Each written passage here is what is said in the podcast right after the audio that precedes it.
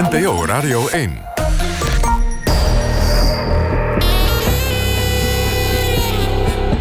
Argos.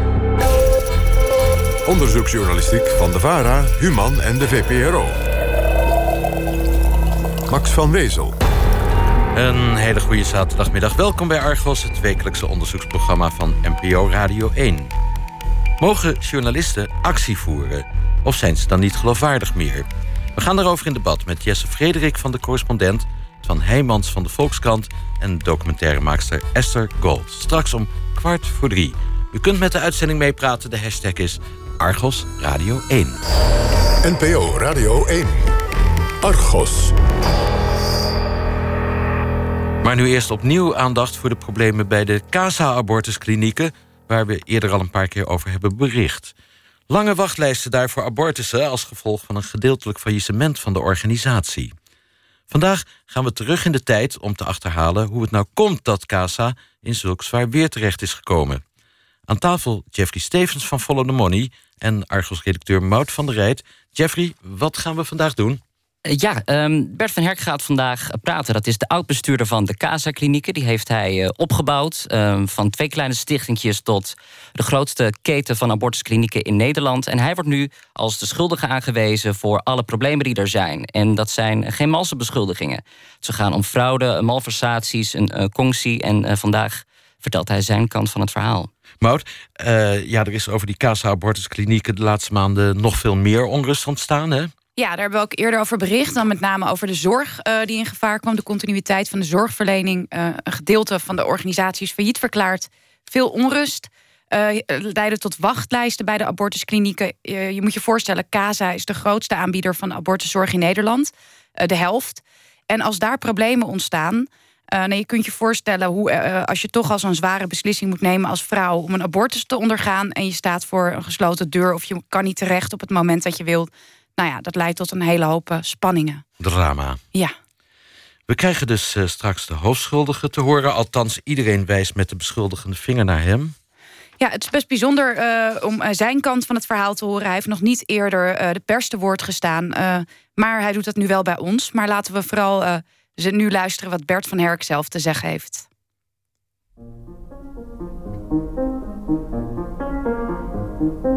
Mijn naam is Bert van Herk. Ik ben sinds 1997 directeur van de abortusklinieken in Leiden en Den Haag. En vanaf 2001 directeur van de klinieken Den Haag, Leiden, Rotterdam, Goes en Maastricht, de Casa-klinieken. En ik ben dat tot midden 2015 geweest. We zitten in Amsterdam-Noord, in de keuken van het huis van Bert van Herk. Jarenlang was hij de directeur van de Casa-klinieken. Tot twee jaar geleden. Nu is hij nog actief als cliëntvertegenwoordiger bij verschillende zorginstellingen. Van Herk neemt uitgebreid de tijd om ons zijn kant van het verhaal te vertellen. Na onze eerste publicatie in september over de onrust bij de Casa Abortusklinieken heeft hij zelf contact met ons opgenomen. Voor Van Herk zijn de problemen die Casa nu heeft gekomen als een donderslag bij heldere hemel. Ja, ik was daar heel verbaasd over om dat uh, te horen. Begin van dit jaar hoorde ik daarvan. Bert van Herk vindt het hoog tijd om zijn kant van het verhaal eens te vertellen. Als ik kijk naar het debat wat op dit moment plaatsvindt, is daar ook behoefte aan dat ik verduidelijk wat er in die periode gebeurd is. Ja, omdat misschien door, door sommigen ook wel de beschuldigende vinger uw kant op gewezen wordt. Van uh, dat heeft die oude bestuurder allemaal veroorzaakt, deze puinhoop.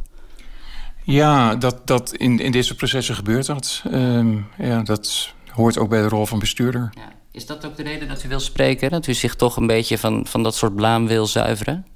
Mm, nee, ik wil in de allereerste plaats wil ik helpen om RKSA nog uh, dat er een goede weg voor wordt gevonden. Dat die hulp doorgaat, uh, dat de medewerkers door kunnen gaan. De problemen bij CASA zijn vooral veroorzaakt door CASA Medical. Dat is naast de abortusklinieken een apart onderdeel van CASA. Waarom is dat Casa Medical eigenlijk opgericht? Toen ik bij Casa kwam werken, uh, althans bij de, de, voorlopers van, van Casa, dat was in 97, uh, was er een enorme stijging van het aantal abortus. Ik geloof van 20.000 behandelingen per jaar naar 30.000. En ik was er heel verbaasd over. Ik was er heel verbaasd dat er geen discussie over kwam. En daarna begonnen we te werken met elektronische systemen. En toen begonnen we ook te zien dat heel veel vrouwen die voor abortus kwamen... ook al eerder voor abortus waren geweest. Eén of de drie ongeveer. En dat vond ik heel veel. En toen was vanaf het begin was de missie van de organisatie... dat we niet alleen abortus wilden doen... maar dat we ook direct na die abortus vrouwen wilden voorzien van anticonceptie. Want dat was heel belangrijk om in ieder geval te voorkomen... dat vrouwen dan opnieuw bij ons zouden komen. Oké. Een nieuwe poot van de Casa-klinieken was nodig om anticonceptie te kunnen bieden. Of eigenlijk om het door de verzekeraars te laten vergoeden. Want die lieten weten dat ze anticonceptie alleen wilden vergoeden als er een ZBC, een zelfstandig behandelcentrum, werd opgericht. En dat werd dus Casa Medical. En ja, de keuze voor een zelfstandig behandelcentrum was niet de ideale voor ons. Want we zagen wel dat we daarmee één organisatie waar dezelfde mensen werken.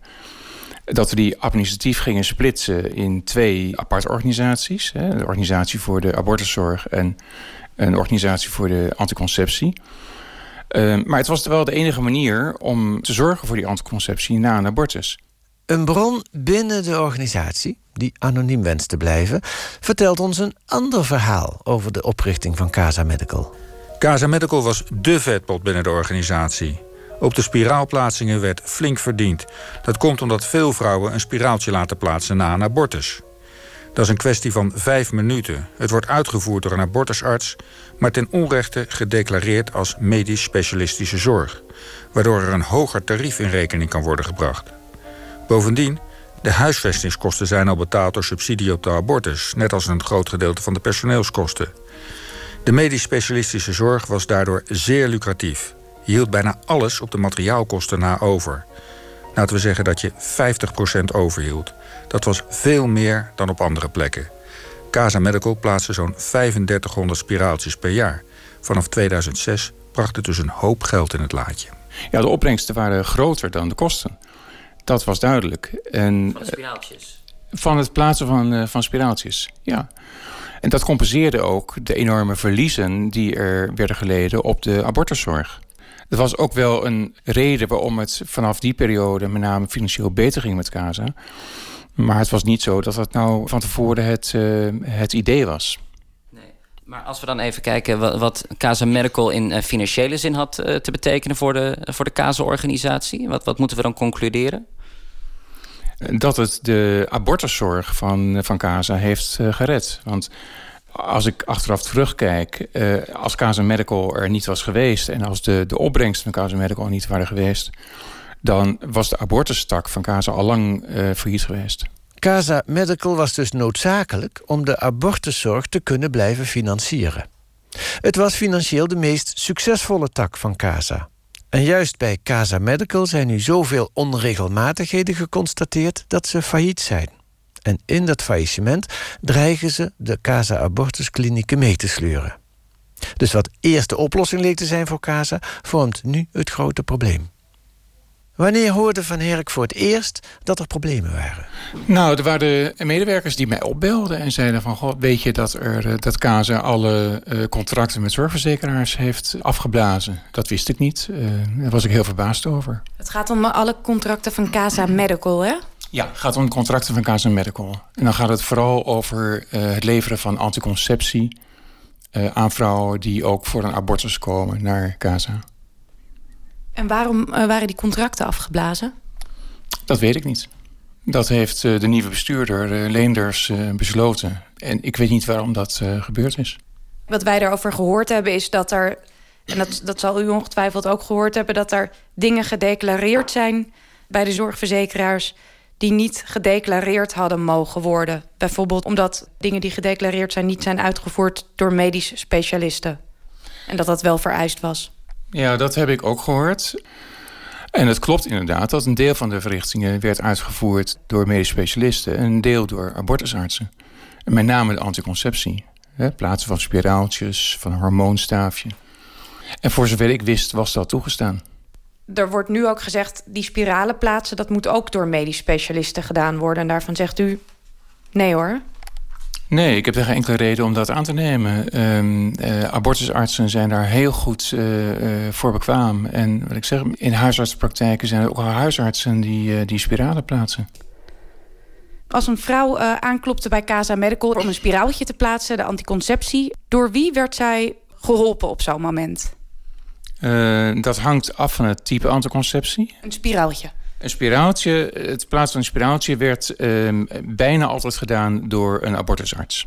Of het uh, was zo dat bij de vrouw een zwangerschap werd afgebroken en dat met haar werd besproken: wil je nu na de uh, behandeling een spiraaltje? En dat ze daarna een spiraaltje kreeg. Ja. En dan was er ook een abortusarts die die abortus had uitgevoerd. En dan direct daarna werd door dezelfde abortusarts die uh, spiraal geplaatst. Ja, dat was meestal dezelfde arts. Niet altijd, maar meestal wel. En dat werd dan vervolgens wel als uh, medisch specialistische zorg gedeclareerd? Dat werd gedeclareerd als medisch specialistische zorg. Ja. ja. Maar het was niet uitgevoerd door een medisch specialist? Nee, maar dat is ook het, uh, uh, het typische. Het heet medisch specialistische zorg, maar ehm, niet alle medisch specialistische zorg wordt per definitie door medisch specialisten geleverd. Want ik vraag het zo uh, expliciet omdat in de onrechtmatigheden die nu zijn geconstateerd, niet alleen in het KPMG-rapport wat de Volkskrant aanhaalt, maar ook bijvoorbeeld in dat verslag van de curator, wat u ook heeft gelezen, wordt gezegd van bij Casa Medical werd onterecht medisch specialistische zorg gedeclareerd, die niet in de praktijk was uitgevoerd door medisch specialisten, maar door abortusartsen. En dat uh, mag niet. Nou ja, dat is dus de vraag wij hebben dat ook nooit zo, uh, zo gezien. Dat een, een, in, in bij deze behandelingen een, een cliënt per se door door een medisch specialist moest worden gezien.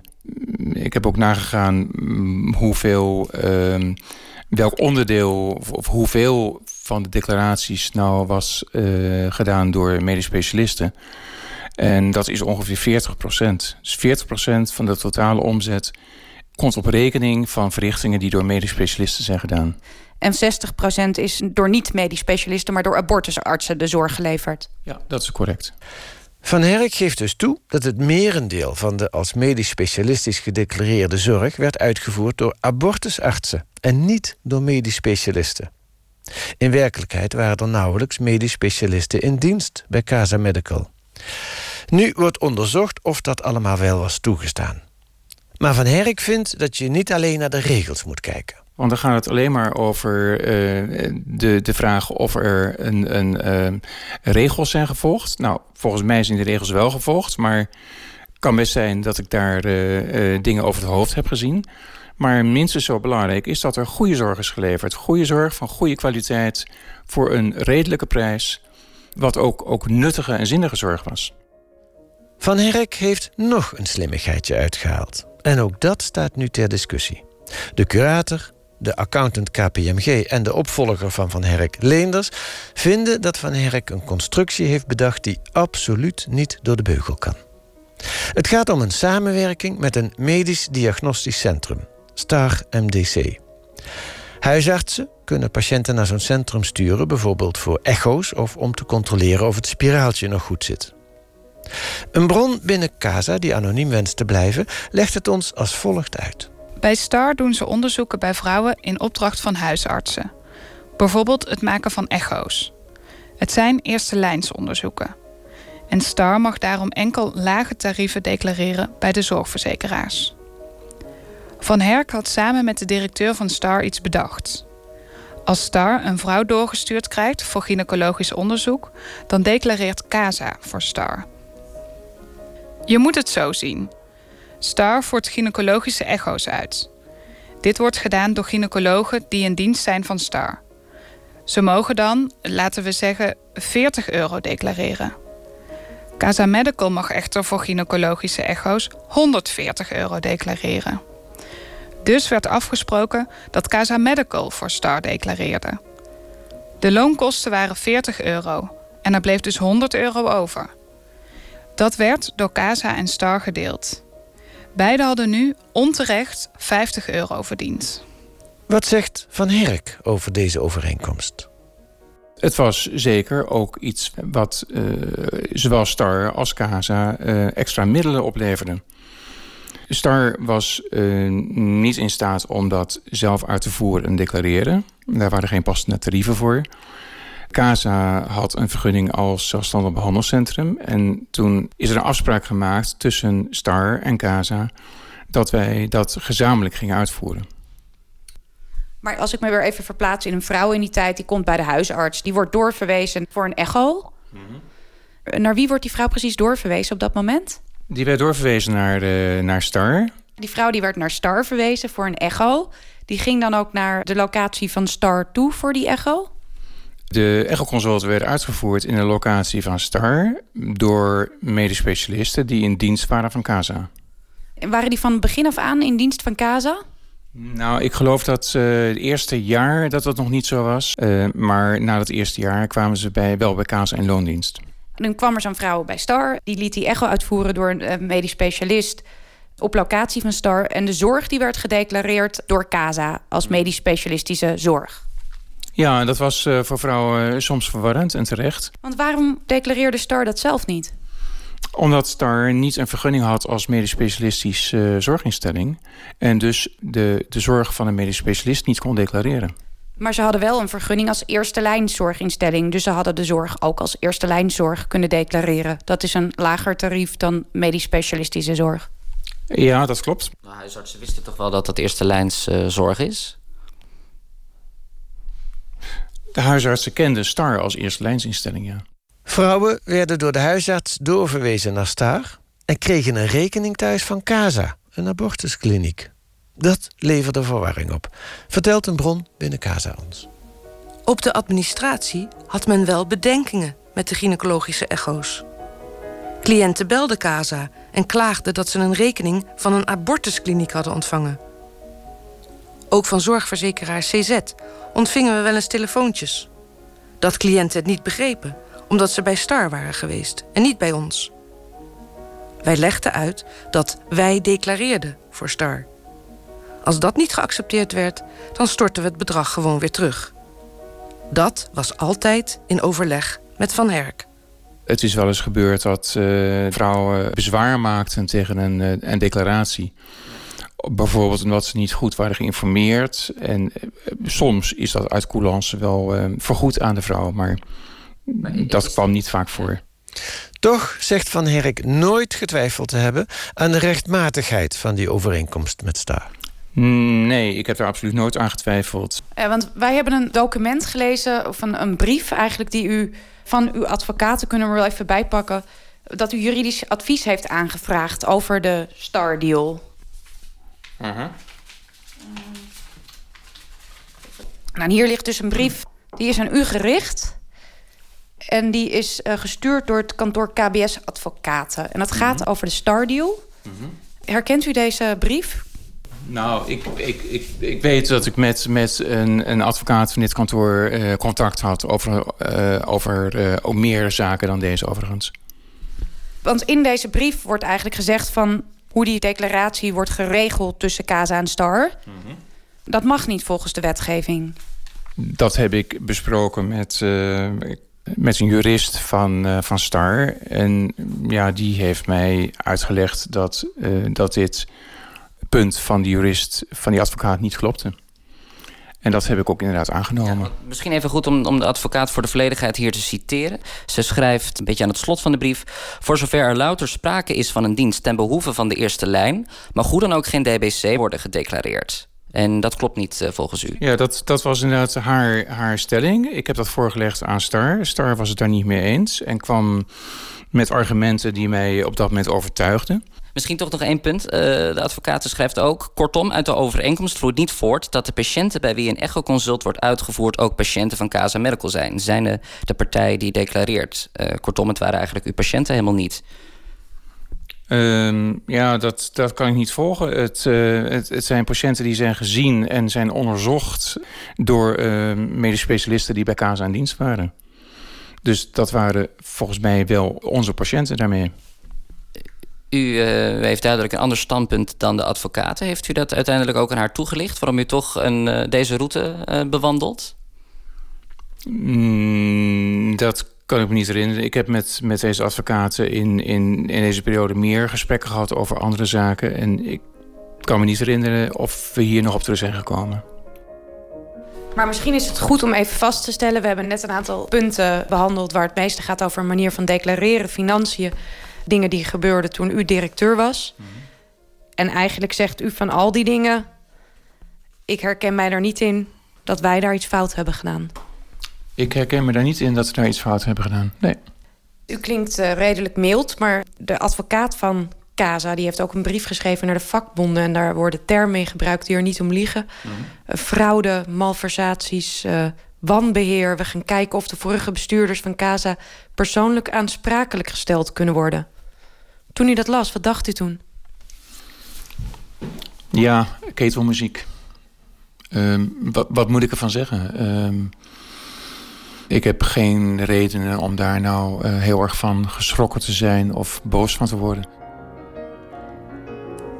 Zij, Bert van Herk, oud-directeur van de Casa Abortusklinieken. Aan tafel nog steeds Argos-redacteur Mout van der Rijt... en Jeffrey Stevens van de site Follow the Money. Nooit geweten dat plaatsen van spiraaltjes zo'n lucratieve business is trouwens. Jeffrey, om wat voor bedragen gaat dit nou eigenlijk? Ja, dat wordt nu uitgezocht. Uh, de collega's van de Volkskrant uh, brachten twee weken geleden... Op basis van een vertrouwelijk KPMG-rapport... dat er over de jaren 2012 tot en met 2016... ja, voor 8,8 miljoen euro aan onrechtmatigheden geconstateerd is. Ze noemden het in het artikel zelfs oplichting. Maar dat gaat nu alleen over de jaren 2012 tot en met 2016. Casa Medical is opgericht in 2006. Uh, dus er zijn nog heel wat jaren die ook onderzocht moeten worden. En dat bedrag zou best wel eens uh, nog een stuk hoger kunnen uitvallen. Aangeschoven is ook Wim Groot, gezondheidseconoom... verbonden aan de Universiteit van Maastricht... en de Universiteit van Amsterdam trouwens ook. Hè? Welkom. Uh, mag dit nou wel of niet medisch specialistische zorg declareren...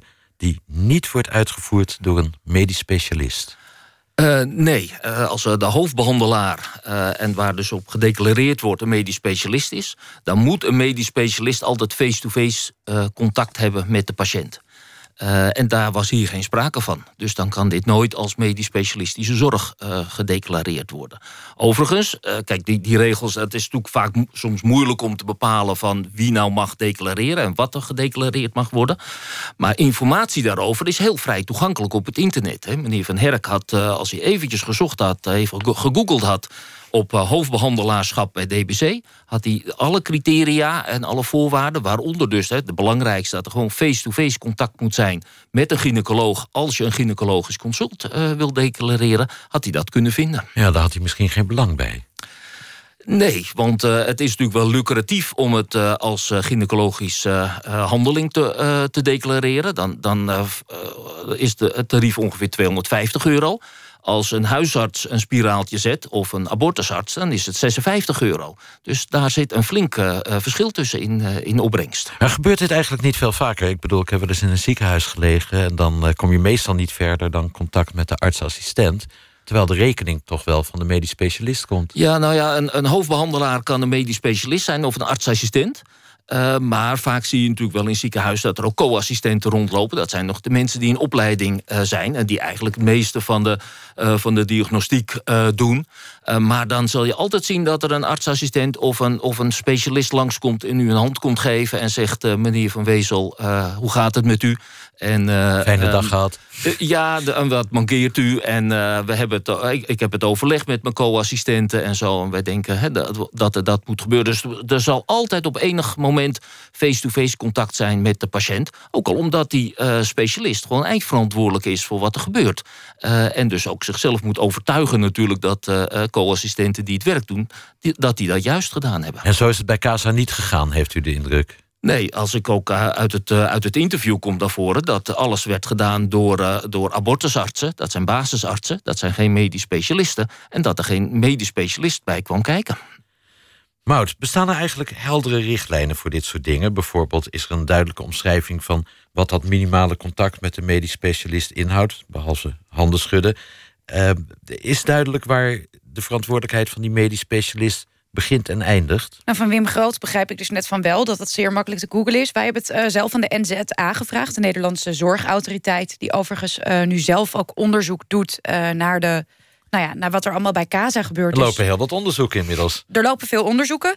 Uh, de zorgautoriteit, of de Nederlandse zorgautoriteit, zei dus ook. Um, nou, wij kunnen op deze specifieke casus niet ingaan om die redenen, vanwege het onderzoek. Ze zeiden wel. Um, in de regel is het zo dat de medisch specialist de behandeling uitvoert en de DBC, de diagnose-behandelcombinatie, opent. Uh, in sommige gevallen kan het zo zijn dat bijvoorbeeld een abortusarts zorg levert onder verantwoordelijkheid van een, uh, bijvoorbeeld een gynaecoloog, als aan alle voorwaarden is voldaan. Maar wel, wat dan precies de voorwaarden zijn, werd mij niet duidelijk. Ik, had, ik sprak erover ook over met mensen in ziekenhuizen in mijn omgeving. En ja, ik begrijp ook wel eens dat het vooral gebeurt als je in de nacht op een, in de nacht op een ziekenhuis terechtkomt. Dat er ook niet altijd meteen een medisch specialist is. Dus um, um, ik vraag me ook heel erg af, hoe is dat minimale contact? U zegt dat moet minimaal een handschudden zijn. Moet er ook in het medisch dossier gekeken worden? Uh, nou, het moet minimaal face-to-face contact zijn. Maar dat hoeft natuurlijk niet helemaal aan het begin zijn. Het kan natuurlijk ook inderdaad dat, dat een co-assistent of een, of een abortusarts... Uh, eerst de diagnose en de handelingen uitvoert. Maar dan moet er op een gegeven moment toch, omdat hij ook eindverantwoordelijk is... een specialist bij komen kijken en, en nog contact met je hebben als, als patiënt. Jeffrey, het kan natuurlijk dat uh, bij CASA die basisartsen wel degelijk onder supervisie stonden van een medisch specialist, een gynaecoloog of zo. Heb je dat uitgezocht? Eh, ja, dat hebben we uitgezocht. En het blijkt eigenlijk dat in, in de meeste gevallen uh, cliënten van CASA alleen een abortusarts zagen. Dus die ontmoeten eigenlijk die medisch specialist helemaal nooit. Die kwamen daar dan bijvoorbeeld voor een abortus. En na afloop van de abortus um, was het soms nodig dat er he, het spiraaltje, een spiraaltje wordt gezet. Nou, zo'n abortusarts die verwijst dan door naar zichzelf meestal. En die zet na afloop van de behandeling een, een spiraaltje. En daar komt eigenlijk geen medisch specialist aan uh, te pas. Nou ja, er worden flink wat spiraaltjes gezet bij CASA. Uh, vorig jaar al 3500. En in al die gevallen ja, big business, dat kwam er geen medisch specialist bij kijken. Er waren dus nauwelijks medisch specialisten aanwezig voor deze supervisie. Terwijl het wel gedeclareerd is bij de verzekeraar... alsof het van een medisch specialist kwam. Juist. Wim Groot, een ander intrigerend deel van het verhaal is de deal waarover we net hoorden van Casa met Star. Waarbij echo's werden uitgevoerd bij Star, bij patiënten die door de huisarts waren verwezen naar Star. Maar de declaraties kwamen van Casa, want dat was gunstiger naar de verzekeraars toe. Wat is uw oordeel daarover? Nou ja, dat was natuurlijk helemaal fout. Daar gingen uh, twee dingen fout. Uh, het eerste is als je doorverwezen wordt naar een organisatie uh, in dit geval STAR, dan moet STAR declareren. En dan mag het niet zo zijn dat uh, Casa Medical uh, declareert. De, organisatie die de zorg verleent, die moet ook declareren. En het tweede is, ehm, die, die vrouwen werden door de huisarts doorverwezen naar STAR voor een echo, hè, een diagnostiek. Maar die kregen daar ook nog een consult van een gynaecoloog bij, waar niet om gevraagd was. Het is een beetje alsof je met je auto gaat tanken en er een monteur uit de garage komt hollen en je motorkap opengooit, toch een APK eroverheen de, uh, uh, doet. Ja, daar heb je niet om gevraagd, uh, natuurlijk. En, of de huisarts heeft daar in dit geval niet om gevraagd. Dus ze hadden alleen mogen doen waarom gevraagd was. Dat was die echo. En dat gynaecologisch consult. Dat, dat mocht helemaal niet. Het hoge woord moet eruit. Is dit nou fraude volgens u? Is dit oplichting? Nou, kijk, voor, voor fraude moet er natuurlijk opzet in het spel uh, zijn. Um, um, dat, uh, dat zal, denk ik, uiteindelijk een rechter uh, moeten bepalen. Want het lijkt me nou ja, ondenkbaar dat dit niet voor een rechter, rechtbank komt... voor de ondernemingskamer komt. Maar als je dit allemaal bij optelt... en, en, en ook de, de brief van de advocaat... Uh, waarin wordt gezegd dat uh, uh, wat, wat die constructie met Star en, en Casa Medical... dat dat onrechtmatig was ja, dan had je toch ook als bestuurder moeten denken van dit, deze weg moet ik niet opgaan. En sowieso natuurlijk, ik denk als iedereen met een beetje gezond verstand uh, weet toch als je, als je uh, een, een, patiënt komt voor een echo, dan komen ze niet nog voor een gynaecologisch consult erbij. En dat kregen ze gewoon bijgeleverd. en dat werd gedeclareerd. Dus zelfs met je boerenverstand moet je hiervan zeggen, dit had je nooit mogen doen. Maar goed, horen Bert van Herk in die reportage zeggen daarnet van... ja, ik heb daarna een andere jurist geraadpleegd... die ook heel goed is in zijn vak. En die zei, het kan wel, dus ik wist het niet. Ja, nou, ik kan me niet voorstellen dat er een andere jurist is... die daar anders uh, ja. over denkt. Uh, dus dat zou ik wel uh, uh, bewezen willen zien dat, dat er een ander juridisch advies was. En dan was er nog was het natuurlijk het enerzijds, anderzijds. Mout. Ja, Bert van Herk zegt ook van op een gegeven moment uh, zijn die uh, gynaecologen in dienst gekomen van CASA. Uh, ze, ze voerden nog steeds het, de behandeling uit op locatie van Star. Maakt dat nog uit? Nee, nee, want die, die, die vrouwen werden door de huisarts doorverwezen naar Star. en niet naar Casa Medical. Uh, dus uh, die, die, die handelingen, die echo, die werd door, door Star gedaan. En Star moet dus dan declareren. En die vrouwen werden door de huisarts doorverwezen... Voor, alleen voor een echo, omdat de huisarts de behandelaar was. En dus dat waren dus patiënten voor, van de huisarts? Ja, en anders had de huisarts wel doorge, doorverwezen naar een gynaecoloog. Ja. Ik wil trouwens nog heel even aanvullen. Uh, je zei net, uh, Bert van Erk heeft nog een andere jurist geraadpleegd. Dat hoorde ik. Uh, dat was de secretaris bij Star, ehm, die toevallig ook jurist is. Maar dat is dus wel een, een belanghebbende bij deze deal. Dus misschien wel even goed om dat aan te merken... dat hij daar zijn advies vandaan heeft gehaald. Die hebben wij overigens ook om wederhoor gevraagd... Um, het antwoord uh, was dat hij helaas geen antwoord kon geven... omdat er uh, intern bij Star nu ook een onderzoek is opgestart. Weer een onderzoek? Hij, uh, wel door externe mensen. Maar dat is dus weer een nieuw onderzoek in deze ja, problematiek... waar al vele onderzoeken lopen momenteel. Maar het ministerie van VBS, minister Schippers nog... heeft ook een claim op de klinieken gelegd en aangifte gedaan. Ja, Wat betekent ehm, dat? Dat werd eigenlijk, uh, dat hoorden wij deze week, dat er daadwerkelijk tot aangifte is overgegaan op 9 oktober. Um, nou, waarvan precies van welk mogelijk delict aangifte is gedaan, dat wilde het ministerie niet zeggen, het OM ook niet.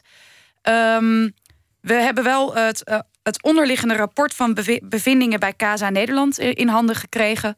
Het gaat dus hier niet om de poot CASA Medical, waar we net over spraken, maar het gaat echt over de abortusklinieken. Het gaat om um, ja, consulten bij de abortussen die, uh, dubbel in behand die dubbel in rekening zouden zijn gebracht.